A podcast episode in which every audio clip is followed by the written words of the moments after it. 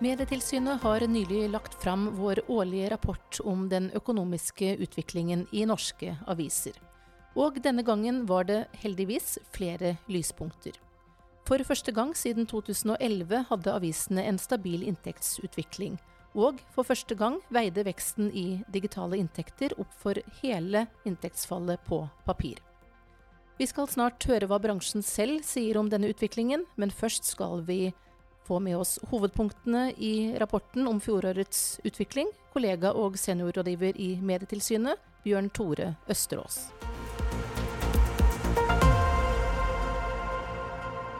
Det store bildet er at eh, inntektene eh, er stabile, eh, og at kostnadene er stabile, og at lønnsomheten er stabil.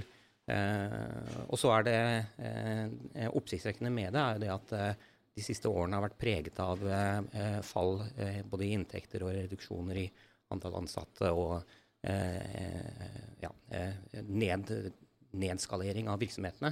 Men det har ikke skjedd i 2018. Så hvis vi ser på hvilken måte 2018 skiller seg fra de siste årene før det året, så er det rett og slett at eh, det er noe mer stabilt? Mer stabilt, og grunnen til at det er eh, stabilt, er det at de digitale brukerinntektene øker ganske kraftig. Um, og eh, det bidrar til at, eh, at, eh, de digitale inntektene, altså veksten i de digitale inntektene nå kompenserer for bortfallet av, av papirinntekter. Ser vi noen forskjell i utviklingen i lønnsomhet mellom ulike typer aviser? Ja, det er noe forskjell. Um, og sånn grovt sett så er det slik at abonnementsavisene har en bedre utvikling i lønnsomhet siste år eh, enn løssalgsavisene. Um, og så er det noen typer, uh, typer abonnementsaviser, uh, det som kalles for de nasjonale ukemediene, uh, sånn som Morgenbladet og Dag og Tid, og de såkalte nummer to dagsavisene, som kommer ut i de store byene og er, har større konkurrenter, som har noe svekket lønnsomhet i 2018. Men for de øvrige avisene, og, det, og, dette er jo ikke et stort antall aviser, vi snakker færre enn ti aviser, for de øvrige avisene så er lønnsomheten styrket. Litt mer om brukerinntektene. Hvordan var utviklingen der i 2018? Der har eh, brukerinntektene de har jo økt. Um, det er først og fremst eh, de digitale brukerinntektene som øker. For inntektene fra papirrelaterte produkter eh, de går ned. Um, de siste eh, fem årene så har disse inntektene økt til sammen med 300 millioner kroner. Eh, mesteparten av økningen har kommet uh, i 2018. Uh, og de digitale brukerinntektene de har økt med mer enn en milliard kroner på, på, de siste fem årene. Og igjen så har mesteparten kommet i, uh, i uh, eh, 2018. Litt over til annonseinntektene. Hvordan er utviklingen der i fjor? Nei, der er Det store bildet er at annonseinntektene faller, men de faller ikke like mye i 2018 som det de gjorde i de foregående årene. Eh, og så er det slik at, eh, at, de digitale annonseinntektene de øker noe nå igjen. De har, har gått ned faktisk eh, i, i likhet med papirannonseinntektene eh, årene før 2017. Ser vi noen forskjeller avisgrupper imellom når det gjelder annonseinntekter? Eh, ja, det er én avisgruppe som, eh, som har økte, en ganske kraftig økning i annonseinntektene fra 2016 til 2018, og det er løssalgsavisene. For de øvrige avisenes del så går annonseinntektene ned, og fallet fortsetter bare. Det har jo vært store kostnadsreduksjoner og nedbemanninger i avisene gjennom ganske mange år nå. Hvordan var det i 2018? Det har ikke vært noen stor reduksjon i antall årsverk i avisene i 2018. Det har vært en, eh, en liten reduksjon på 2,2 eh, eh, Men så er det slik at, at det er forskjell på avisene her. sånn. Uh, og, uh, og, i 46 aviser så er det en økning i antall årsverk. Uh, I 82 aviser, til sammen blir det da 128, så er det uendret eller en økning. Og så er det 84 aviser hvor antall årsverk har gått ned. Men det har ikke vært noen store nedbemanninger i 20, 2018. De fleste aviser jobber jo hardt med digitalisering. Hvordan gir det seg utslag når vi ser på andel digitale inntekter i 2018? Ja, den, altså den andelen øker jo hele tiden. Eh, men den øker ikke veldig raskt. Eh, I 2014 så var andelen eh, digitale inntekter av de totale driftsinntektene på 15% mens i 2018, fem år senere, så var andelen 26% og Det betyr jo det at én av fire kroner som avisene henter inn, kommer fra digitale kilder i 2018. og tilsvarende at tre av fire kroner kommer fra papiravisene. Takk til Bjørn Tore Østerås, og da skal vi høre litt fra bransjeaktørene selv. For nylig arrangerte Medietilsynet nemlig et frokostmøte der administrerende direktør Randi Øgrei i Mediebedriftenes Landsforening, Rune Hetland, som er generalsekretær i Landslaget for lokalaviser, konserndirektør Anders Oppdal i A-media og direktør i Skipsted Torry Pedersen diskuterte nettopp avisenes økonomi.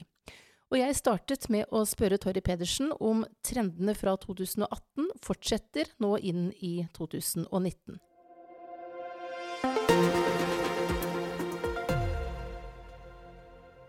Eh, nei, altså når du ser på det norske annonsemarkedet, så leste jeg her om dagen at uh, det har falt med 380 millioner uh, blant det som er formidlet gjennom mediebyråene. Tradisjonelt så formidler jo de halvparten av mediemarkedet, som er på ca. 20 milliarder. Så hvis det har falt like mye i de andre, så har det jo falt uh, 700, 750 millioner, da.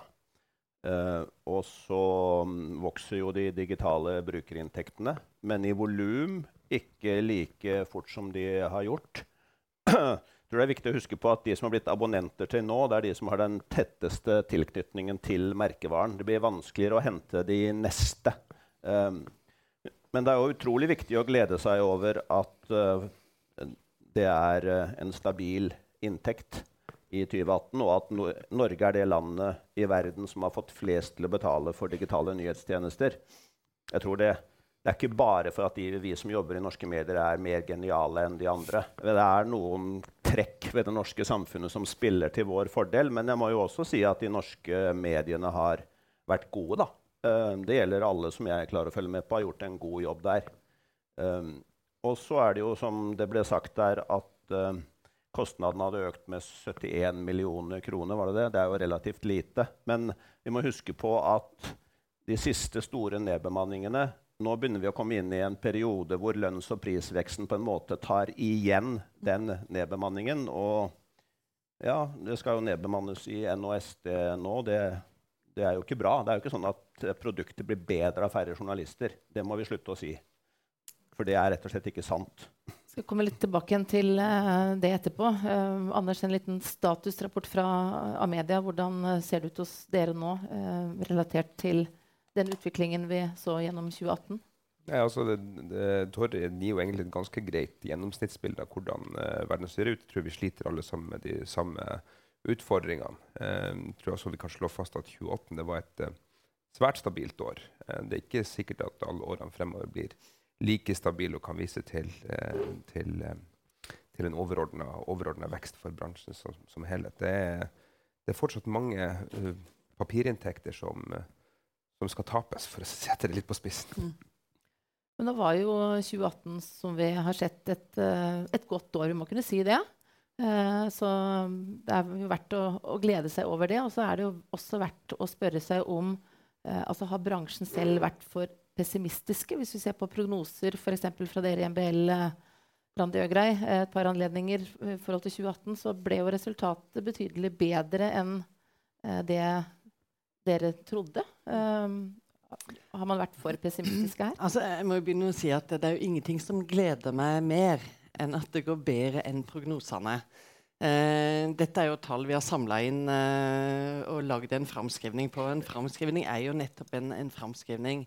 Eh, og hvis vi ser eh, på 2018 Jeg husker vi skrev i årsmeldinga vår at jeg er utrolig stolt av norsk journalistikk og hvordan vi har utvikla de digitale fortellerteknikkene. Fått med oss eh, brukerne over på de digitale flatene og fått dem til å bruke tid der. Og også til å betale for eh, abonnent. Sånn at det går bedre enn en vi forventa, eh, det er jeg kjempeglad for og egentlig stolt av. Vi ser også lokalvalgkampen nå. Eh, hvordan det jobber sykt bra, vil jeg si. Eh, Livesendinger sjøl i de minste lokalredaksjonene.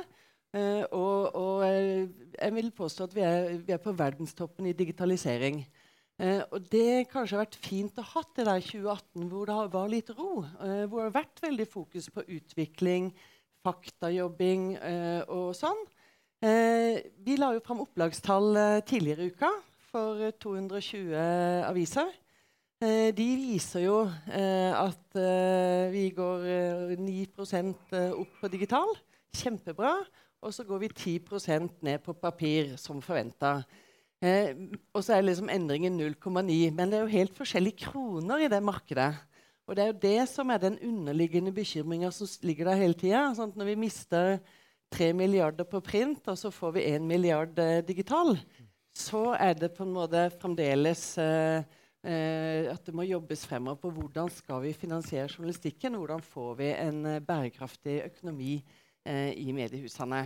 Og Det blir jo den store diskusjonen eh, som vi må fortsette med fremover. Vi er best i verden, eh, og vi gjør veldig mye bra. Men vi har fortsatt en veldig stor omstillingjobb foran oss. Vi er så å si på vei over broa, men vi er ikke over på andre sida. Rune Hetland, hvordan eh, ser det ut uh, fra lokalavisenes ståsted akkurat nå? Med, I oss er det et voldsomt strekk i laget. Eh, vi har faktisk eh, 22 av de 88 avisene mellom 1000 og 4000 i opplag som har underskudd etter eh, pressestøtte. Sånn at eh, For dem det oppleves alvorlig. Men det er òg mange som gjør det godt. Og, og, eh, vi er jo i både i LLA sånn som ute i avisene våre, så er vi nervøse optimister. Men litt nervøse for framtida, for den er veldig krevende. Det er få i, som jobber i lokalavisene. Og det er ingen å miste hvis en skal klare å gjøre den viktige jobben i journalistikken. Og eh, hvis en ser på eh, hvordan landskapet ser ut, så ser vi jo at de store dagsavisene trekker seg mer tilbake til sine bykjerner. Og Dermed blir jobben lokalavisen skal gjøre, enda viktigere. Og kravet fra brukerne det bare øker. For nå er det ikke flere medier lenger i de små lokalsamfunnene. Det er bare lokalaviser. Og da trenger en hver journalist og, og, mer til. Og For å sitere redaktøren i, i eh, Grenda i Rosendal han sier at forventningene hos lesere og annonsører blir høyere og høyere hele tida. De forventer digitalt innhold 24-7, at en leverer levende bilder. Blant annet så dekker jo de valget direkte eh, live. Og, og, dette skal de da eh, klare. Samtidig tog brukerne forventer at papiravisen skal være like god som før. Og, og den eh, bærer jo enda større andel av inntektene for de minste enn for de større. De er fire i redaksjonen, og det er mildt sagt travelt, men de har det kjekt. Og de sier at det er inspirerende, og de gir så masse energi å være så tett på brukerne. Og det tror at det er litt av lokalavissuksessen. Det at lokalavisen er tett på brukerne og får de raske tilbakemeldingene, både kjeft og ros, og det gjør at de føler at de er viktige, og, og, og det er de jo. Men så han sier òg at uten pressestøtten så ville vi ikke klart å gjøre den journalistiske jobben.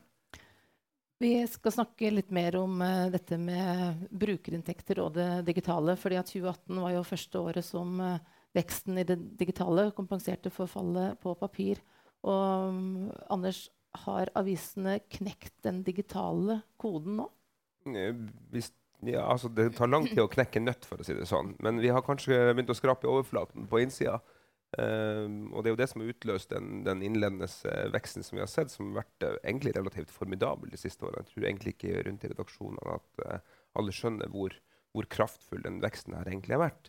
Så er spørsmålet fremover om det vil være mulig å opprettholde den veksten. For vår del så ser vi at vi fortsatt har en relativt sterk vekst. Um, Uh, og det kan godt være at Torry er inne på det når han sier at det er, de, det er de fremste lojalistene som har kommet til oss. og Det tror jeg for så vidt er riktig.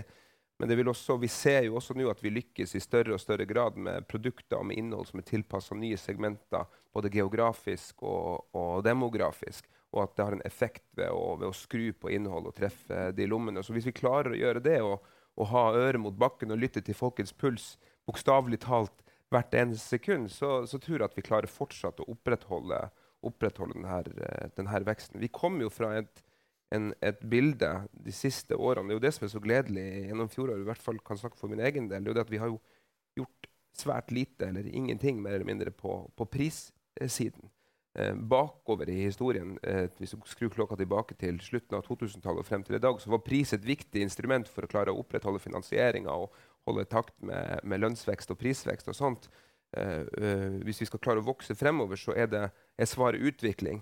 Tror jeg for min del. Det er ikke, det er ikke pris. Da bare sementerer vi egentlig det som reelt sett er lavdekningsprodukter. Fordi når vi skal, uh, går, går, ned og ser på, på hvor, hvor, hvor, liten digitaløkonomien er isolert sett, så har selv de største avisene her i landet en forferdelig liten brukerbase i forhold til det som er det historiske markedspotensialet. Og jeg tror fortsatt på markedspotensialet. Vi ser jo ganske store forskjeller når det gjelder dette med hvor langt avisen har kommet i digitaliseringen. Hvis vi ser på andel, eh, hvor stor andel av de totale inntektene man henter fra det digitale, så eh, er jo eh, løssalgsavisene langt foran. Eh, Torry, har de andre noe å lære her av hvordan løssalgsavisen har jobbet med eh, digitalisering? Får jo håpe det. Og hva? Nei, men Det er jo mer sammensatt. fordi at Hvis du ser på forretningsmodellen til løssalgsavisene, så var det tradisjonelt 75% brukerbetaling og 25% annonseinntekter. og Det er nå turned around. ikke sant? Uh, mens det for abonnementsavisene er snudd den andre veien. Uh, men jeg tror for alle uh, mediegrupper så må man prøve å utvikle begge inntektsstrømmene. Både annonseinntekter og brukerinntekter. Og da tror jeg at vi Jeg er enig i mye av det Anne sier, men jeg tror vi fortsatt bare er i begynnelsen av å forstå uh, hvordan vi bygger en optimal rekrutteringsbase og holder folk som lesere. I en ideell verden Jeg bruker alltid det eksempelet, for jeg er jo fra Fredrikstad og er interessert i én ting i Fredrikstad, og det er Fredrikstad fotballklubb. Og det får jeg aldri se på på Fredrikstad Blad, som eies av A-media, fordi at de skal ha meg til å betale et månedsabonnement. Betaler du ikke? I, en, nei, det, det, gidder jeg ikke. I en, ideell verden, I en ideell verden så hadde de skjønt at han, akkurat han, han er kanskje villig til å betale 10 kroner for det, og ikke 130. Og da hadde du fått noen inntekter fra meg også. Så Poenget er at vi må utvikle mer intelligente systemer. Eh, det er jo en del internasjonale eh, aktører nå som jobber veldig med det som kalles dynamisk paywall. Jeg hater begrepet paywall, for det er så negativt. Det er samme som uh, low cost carrier på fly. Tenk om du hadde kalt det for lav service.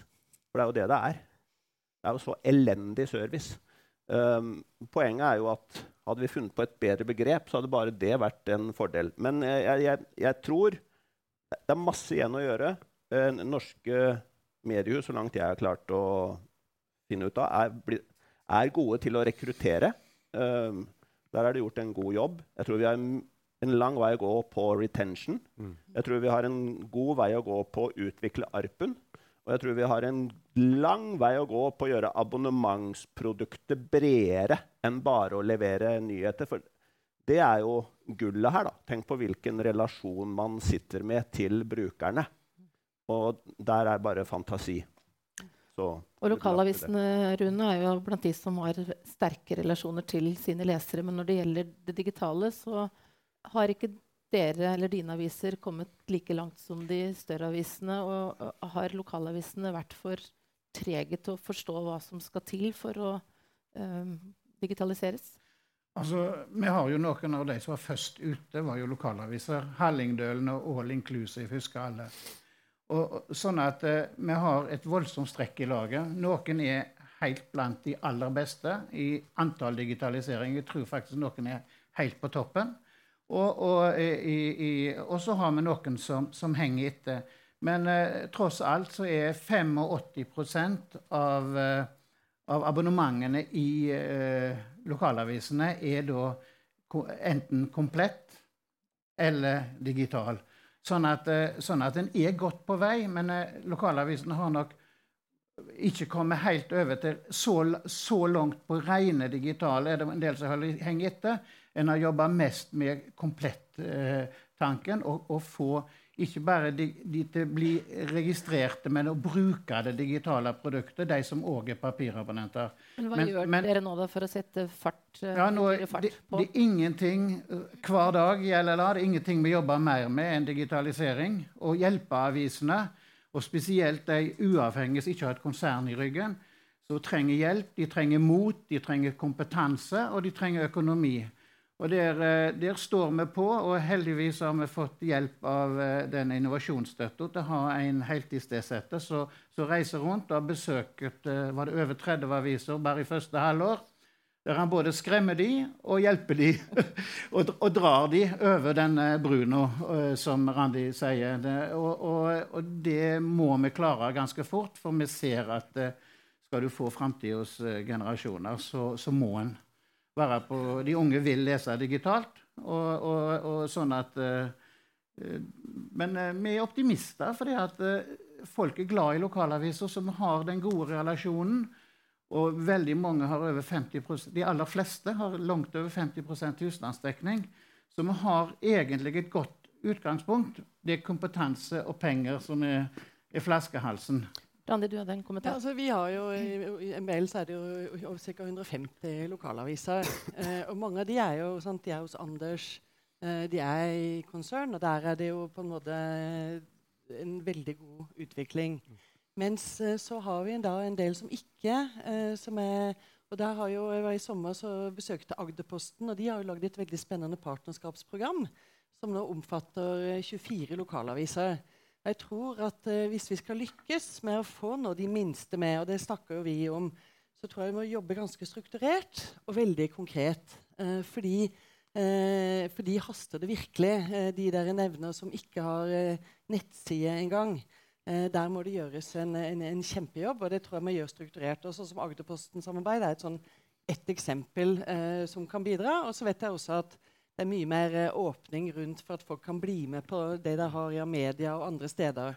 Og det er det løftet som haster på, på, på de minste, å få det konkret og strukturert. Så har jeg lyst til å si at ja, eh, vi gjør det himla bra eh, med å få brukerne over. Men hva med annonseinntektene? Og De skal vi komme tilbake igjen til. så bare vent litt med det, for jeg har lyst til å, å holde oss litt til på på brukerne. Eh, du ga et stikkord i sted, Rune. Du snakket om de yngre. Eh, jeg snakket i går med Ragnhild Olsen, som har gjort et doktorgradsarbeid på ulike forhold når det gjelder lokalavis og brukerbetaling. Og hun finner jo bl.a. at de yngre i mindre grad er interessert i å betale for lokale nyheter. Og at de ikke i like stor grad som andre opplever den relevansen med lokalavisen. Eh, så spørsmålet mitt er egentlig hva gjør dere, og, og ikke bare de lokale, men også avisen hos deg, Tørri, eh, for eh, å få flere yngre, og da ikke de aller yngste, men de unge voksne, til å bli betalende abonnenter? Det er, det er en kjempejobb å vite hva stoff som treffer de unge. Men det er klart, det, det er jo alltid foreldrene som har abonnert på aviser. som lå, altså, og, og, det som er forskjellen på nå og før Før så lå papiraviser på kjøkkenbordet når, de, når ungene kom hjem fra skolen. Så de hadde et forhold til det. Den var der, og de bladde av og til i den, for de så, så de så eh, bilder av noen de kjente. På digitalt så vet jo ikke ungene hva foreldre gjør på når de sitter i sofaen med paden. De, da, de, ser ikke om de leser i avisa eller ikke. Sånn at eh, den der, eh, den der, linken den er vekk. Sånn at det er en mye større, eh, mer krevende jobb. Men jeg tror jo vi ser jo av media og, og, og, og Skipsted og andre har jo, og Agderposten En får jo vite om hva blir lest, hva aldersgruppa leser, og så må en rett og slett prøve og feile. En må se hva stoff som treffer, og hva, og hva de ønsker å lese. Og en må Lokalavisen har alle forutsetninger til å gå ut og møte folk, for de er jo så nærme. Snakke med ungdommen og, og, og, og, finne ut hva er det de vil ha. Og dette må en gjøre i mye større grad. Og det er en del av det innovasjonsprosjektet vi jobber med. Det er til, til å få, få, ta de unge på alvor. Ikke bare vise bilder av dem, men å gi dem en stemme. Og la dem ytre seg i avisa tror jeg er en av nøklene. Men her må det òg rigges og leveres på en måte som fenger. Og, og der er vi nett på fjorden rodde. Anders, litt om hvordan Amedia jobber i forhold til uh, dette? Ja, altså, eh, vi må huske på Det at det er ikke så veldig mange år siden så nærma eh, snittleseren eh, seg alder 70 eh, år. Eh, i, i, i, norske papiraviser, i hvert fall. Nå ser vi at vi oss, går i riktig vei og nærmer oss 40-åra. Det er i hvert fall et skritt i riktig i retning for gjennomsnittsbase. Og vi har jo fått til mye på dette de siste årene. Vi har Den sterkeste veksten og det som har resultert i veksten vår de siste to årene, er nettopp at vi har klart å vokse i kategorien det vi kaller for unge voksne. Altså folk uh, pluss-minus 40 år ned i, i, i øvre del av, av 20-årene. Og den ene driveren for å lykkes med dette her, um, den er veldig basic, veldig enkel. Det handler om å treffe med journalistikken, som du er inne på. Lage de riktige sakene for de riktige segmentene. Det går på helt banale ting som valg av kilder, bildebruk, altså helt sånn basics. Opererer etter innsikten og gir de et tilbud hver eneste dag, sånn at du har retention-effekten inne. Men det andre, og her føler jeg at vi har veldig veldig mye å gå på, og vi må gjøre mye på dette området, her, det er å um, forstå hvilke formater og hvilken teknologi du skal pakkettere dette inn i. Hvilken type opplevelser skal du lage? Vi sitter også med, med AID hos oss som en fantastisk eh, eh, kilde vi kan bruke for å utvikle disse produktene. her. Historisk sett når vi har drevet produktutvikling av media og også flere andre steder, eh, det er jo det at vi har tatt utgangspunkt i de formatene som vi kjenner, og vi har brukt alltid. Vi har brukt en del av logikken vår fra den gamle papiravisas historie når vi skulle lage digitale produkter. Noe av det er bra, for det sikrer broadcast-funksjonalitet. Men når du nå ser det nye medielandskapet, hvor du har en haug med globale aktører, så kan det være helt andre måter å pakkettere det på og lage det på for å klare å være i stand til å, til å holde på samfunnsoppdraget, holde på den faste kanalen. Spesielt for dette publikummet som ikke er vokst opp i papiravisgenerasjonen. Sorry. Ja, dette var en uh, bra forelesning. For jeg mener at uh, vi, vi sterkt undervurderer den utfordringen.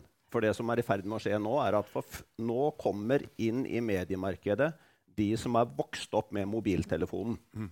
Vi er alle lært oss å bruke mobiltelefonen. De som kommer nå, er vokst opp med mobiltelefonen. Og etter mitt skjønn så har vi en vanvittig lang vei å gå på produktdimensjonen av det vi leverer av journalistikk. Og det må vi utvikle. Uh, og det, en, det som er fascinerende, hvis du ser på VGs Snapchat-kanal, så kommer den til å passere en halv million abonnenter. Det er egentlig helt vanvittig eh, hvor suksessrikt det er. Så må man jo da klare å flytte de leserne på et eller annet vis over til hovedproduktet.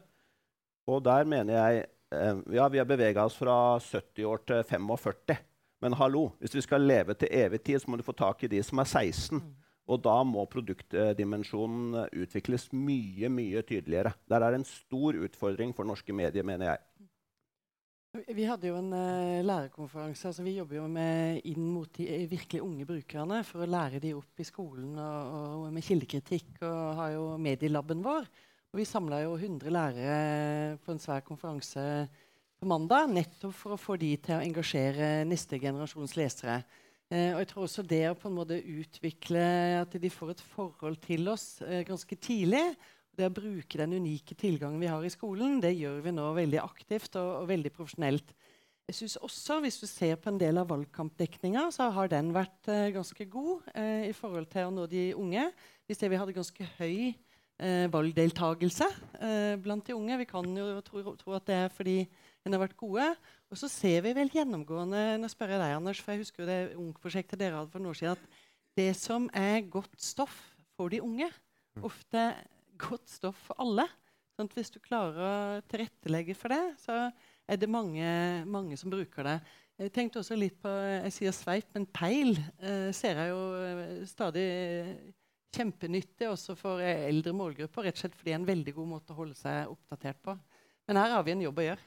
Skulle jeg svare? Ja. Ja, ja, ja, Da skal vi snakke litt om eh, annonseinntektene. Og mens utviklingen eh, jo var veldig positiv når det gjelder brukerinntekter i 2018, så fortsetter jo annonseinntektene å falle. Ikke like mye som, eh, som tidligere år, men eh, faller gjør de, og der klarer jo ikke det digitale å, å kompensere. Nå er vi som sagt gått ut i 2019, og hvordan ser det ut akkurat nå eh, derfra som dere sitter, Anders, hos dere f.eks.? Altså, det er fort gjort når du diskuterer annonser at det blir en sånn banal samtale med at det ene går ad undas og det andre går uh, til himmels. eller ja, at det blir fort en sånn karikert virkelighet. Uh, det er utfordrende på print, men det er fortsatt et marked. Uh, og spørsmålet er Hvordan klarer du å opprettholde det til å være en lønnsom kilde for å finansiere journalistikken og styrke posisjonene våre frem, fremover? Vi ser jo ut av tallene her, og, så, sånn ser vi ut. Det som er utfordringa, er jo at vi ikke lenger har den Vi har fortsatt vekst digitalt men ikke den eh, samme veksten. Og så vokser markedet i sum. ikke sant? Det er den store kjerneutfordringa vår. Og da er spørsmålet for vår del hvilke produkter, hvilke verdiforslag som nettopp ivaretar de samme egenartene som vi snakker om i brukerøkonomien. Det at vi kan kundene våre, det at vi har nærhet til kundene våre, det at vi har troverdighet uh, hos kundene våre. Hvordan kan vi utvikle produkter inn i en, inn, inn i en sånn type økonomi? Jeg tror Det er det som er det, det viktige fremover. Men det er ingen tvil om at annonsemarkedet det der egentlig eh, det kortsiktige, store slaget står, eh, knytta til å kunne se også i årene fremover tall som vi har sett på innledningsvis her. For de minste, Rune, hvordan uh, ser det ut der? Nei, altså, problemet, altså de, de, små lokalavisene har jo relativt godt betalt for annonser i forhold til antall abonnenter. I digitalt er det mer eh, volum som teller, og prisene, enhetsprisene er lavere. Sånn at der har vi en kjempeutfordring å få med oss den lokale merverdien som, som en har på print, over til, til det digitale. Og, og, og, eh, men, men, eh, per i dag så er jo opp, annonseinntektene på de små lokalavisene er ganske stabilt. Men så hadde en jo aldri den høye toppen som de store hadde i, før finanskrisen heller. Så en har heller ikke hatt det gigantiske fallet.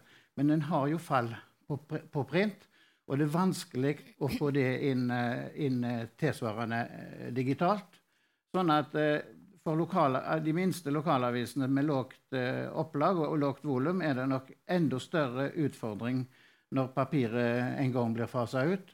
Sånn at vi må klare den overgangen og finne den der eh, lokale merverdien eh, på, på, digital annonsering. Og det jobber vi med. Vi eh, har vi I lag med MBL har vi kurs i programmatisk. Eh, om en liten måned skal vi samle 70-80 lokalaviser og melde seg på til en er halvannen dag med digital, bare digitalisering. Der annonseprodukter og utvikling av dem er en viktig del. Så, så, det er bare å stå på og være med godt mot. Og så ser vi jo eh, de store globale aktørene. Eh, ganske betegnende de sirklene som Bjørn Tore viste her tidligere i forhold til den utviklingen og forskyvningen som har skjedd i markedet mellom de tradisjonelle annonsekanalene og, og avisene og Eh, de nye, store globale aktørene. Vi må snakke litt om det også. Ja, det, altså For lokalavisene så kan du si at en mister jo først kan du si, rubrikkannonser og stillingsannonser og møteannonser. De har forsvunnet først for de forsvant til Finn, som var en veldig godt lesestoff, som da forsvant til Finn i sin tid. Det var et stort tap òg overfor abonnentene. Jeg var veldig redd at vi skulle miste stor andel av abonnentene. For leserundersøkelser viste jo at mange abonnenter de syntes det var viktig stoff. Det mister vi. Og så møssen en jo nå i, i og nå en møteannonser i enda større grad da, eh, til, til, Facebook. Så det er klart at uh, dette at uh, de kommer inn og tar så store andeler av den type annonser, det må kompenseres gjennom forretningsannonser. Og, og det har nok mange av eh, altså Der har lokalavisene totalt sett ikke vært flinke nok til å finne løsninger til å beholde de, de annonsene som er godt lesestoff òg. Der, må vi gjøre, bli, der må vi gjøre en bedre jobb. Noen flere som vil kommentere annonsesituasjonen? Ja, um, for VG, som jeg kjenner best, så har det jo gått veldig bra i et par år nå. Um, jeg tror det skyldes hovedsakelig to ting. Det er uh, lanseringen av VG Partnerstudio, som jeg har fått min rimelige andel av kjeft for. Men uh, nå virker som det nå er etablert i norsk mediebransje at large. Um, og så um, er det at Skipsted uh, har sentralisert annonsetilbudet sitt, slik at nå kan folk i Bergen få annonsen sin både på Bergens Tidende og i, på VG. For VG er jo på mobil størst i alle fylker i Norge, med unntak av eh, Vest-Agder, hvor Fedrelandsvennen var litt større. I hvert fall på de tallene jeg sjekka i går. I Finnmark så er også i Finnmark nesten like store som VG. så jeg. Litt større. jo, men jeg, Nå snakker jeg utelukkende om eh, mobil. Mm. Hvis du tar med eh, desktop, så er det sikkert riktig det du sier. Men min hypotese er at fremtiden kommer til å være relativt mobil. Uh, så Det er derfor jeg, fokuserer på det. Men også, det er jo store utfordringer. Det skjer jo en endring. Reklame- og mediebyråene ønsker å ta en større kontroll over content-produksjonen enn, enn tradisjonelt. Eh, forsvinner cookien, Da har vi en utfordring. Da gjelder det å få flest mulig innlogga. Der har jo A-media gjort en jeg, veldig god jobb. Eh, så det er store utfordringer i det markedet. Men de siste par årene har vi i Skipsstedet hatt veldig god utvikling på, på VG, hvor vi har passert 1 milliard i digitale inntekter. Det er jo faktisk en milepæl. Uh, og så er det jo store utfordringer mellom lukket grad og annonseinntekter på uh, de mer uh, brukerdrevne produktene. Og dette er superkomplekst, så vi må bare fortsette å jobbe med. Men print kommer til å gå ned.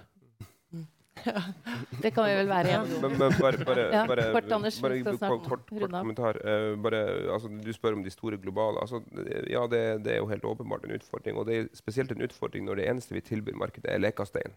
Hvis du har svært mange aktører, du får kinesisk lekastein, amerikansk lekastein, norsk lekastein, alle driver og selger den samme varen ute i, i markedet, så blir det egentlig et uh, ras til bunn når det kommer til pris.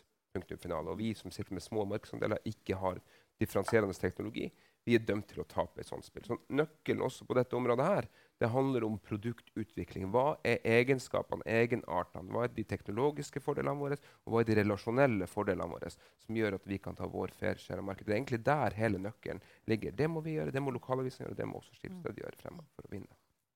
Vi skal uh, snart uh, gå inn for landing, men uh, til slutt litt innom dette med kostnader og årsverk. fordi der viser også tallene at etter mange år med store kostnadsreduksjoner så eh, gikk kostnadene litt opp i fjor. Uh, og det var, eh, det var, aviser som fikk færre årsverk, men det var også en del aviser som var stabile eller fikk flere.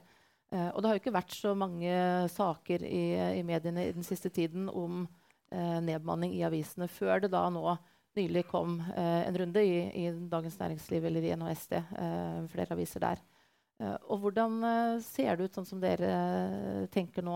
Er, sånn, er, vi over det verste når det gjelder kutt og nedbemanning, eller forbereder man seg bare på en runde til? Du snakket jo litt om at kostnadsveksten tar igjen det man har, har, gjort tidligere. Hvordan ser dere på det akkurat nå? Tori? Akkurat nå går det jo rimelig bra, men det avhenger jo litt jeg tror det er én ting vi undervurderer. Vi har hatt ti år på rad med høykonjunktur. Mm. Altså den største høykonjunktur i historien. Kommer det til å vare evig? I don't know. I en ellers veldig god rapport så er jeg usikker på om eh, vi kan bruke begrepet god lønnsomhet på 7,1 eh, driftsmargin for å uh, få de nødvendige investeringsmidlene som skal til for å fortsette digitaliseringen. Ja, det er bedre enn det har vært før, men jeg ville tatt vekk god eh, og sagt eh, ja, forbedret i forhold til tidligere. Grei nyanse. Ja. Anders? Altså, eh, jeg tror at Du snakker om kutt og nedbemanning. Jeg tror at Uansett hvordan du snur og vender på det vi, Økonomien maler frem og digitaliseres. Vi er inne på høykonjunktur, som Torje snakker om der. Enhver mediebedrift eh, som skal lykkes i årene som kommer, må ha et handlingsrom til å kunne gjøre investeringer. For å det så må du drive lønnsomt. Og for å skape lønnsomhet så må du tilpasse kostnadsbasen. Så vi må også tilpasse, tilpasse kostnadsbasen fremover. Noen ganger så betyr det faktisk å øke kostnadene. Det vi har gjort i det siste. Andre ganger så vil det bety at vi må ta ned kostnadene. Og vi kommer også til å komme i den type situasjoner fremover. Så jeg vil ikke være mer kategorisk enn som så, men, men vi må være virkelighetsorientert. Dette er store endringer som skal gjennomføres, og de koster penger. Det sa Anders Oppdal, som er konserndirektør i A-media. Takk også til Torry Pedersen, direktør i Skipsted, Randi Øgrei, som er administrerende direktør i Mediebedriftenes Landsforening, og Rune Hetland, generalsekretær i Landslaget for lokalaviser. Den norske mediepodden produseres av Medietilsynet. Jeg som er programleder heter Mari Welsand og er direktør. Og vi høres.